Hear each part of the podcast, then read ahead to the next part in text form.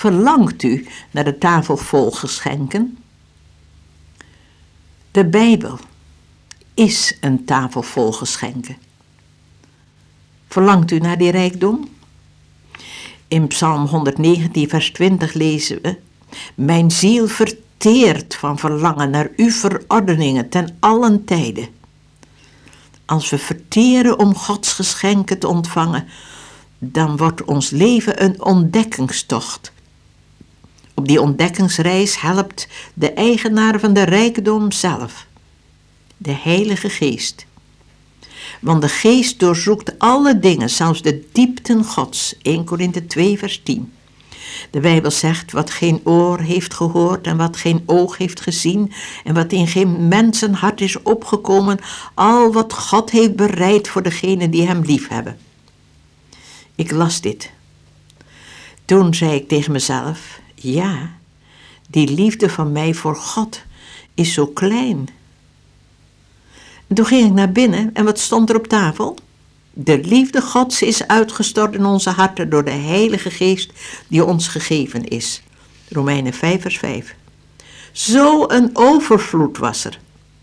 Ik hoefde er alleen mijn hart maar voor te openen en de liefde vervulde mijn hart en gaf mij de liefde voor God en de mensen. Weet u wat ik ging ervaren? Dat die liefde er was voor de diepe ervaringen voor de moeilijke crisissen, maar ook voor de kleine ervaringen, de omgang met de mensen om me heen. De hoogste potentie van Gods liefde mag ik gebruiken in de alledaagse gebeurtenissen. Ik kon het niet voor elkaar krijgen, maar het hoeft ook niet. Ik mag ontvangen, nemen, krijgen, alles wat ik nodig heb. Neem het, dan heb je het. Zo was het ook toen ik zo vergeefs tegen mijn zonde vocht. Ik begon mezelf te analyseren, uit te vinden waar het verkeerd was geworden. Toen las ik: De geest doorzoekt alle dingen. Het was net als bij een dokter. Je hoeft de diagnose niet te stellen, dat doet de dokter wel. Je vertelt hem alleen wat je voelt en waar je pijn hebt, en de dokter zal het wel uitvinden. Zo doorzoekt de geest alle dingen. Ik vind het altijd een leuke vakantieervaring als je naar de restaurants kijkt die een menu buiten hebben in een kastje. Je kunt dan lezen wat er aangeboden wordt. Je gaat watertanden als je leest wat er te krijgen is. Zou dat nu ook wel mogelijk zijn bij de tafel van de Heer? Ja, het is mogelijk. Het is allemaal in de Bijbel. Daar kunnen we het hele overwinnende leven lezen. De Bijbel is de liefdesbrief van God voor ons. Het is onder andere de beschrijving van den Heer Jezus, die gezegd heeft opdat zij leven hebben en overvloed. Johannes 10, vers 10. God wil u en mij als materiaal in zijn handen krijgen zoals de pottenbakker het leem. Het gaat om een ter beschikking stellen van ons leven. Dat is een verregaande beslissing die velen van ons te ver gaat. We hebben nog wel belangstelling, maar dan eh, gaat het zoals uh, je voor een mooie etalage soms gaat staan. Je bent niet van plan de prijs te betalen.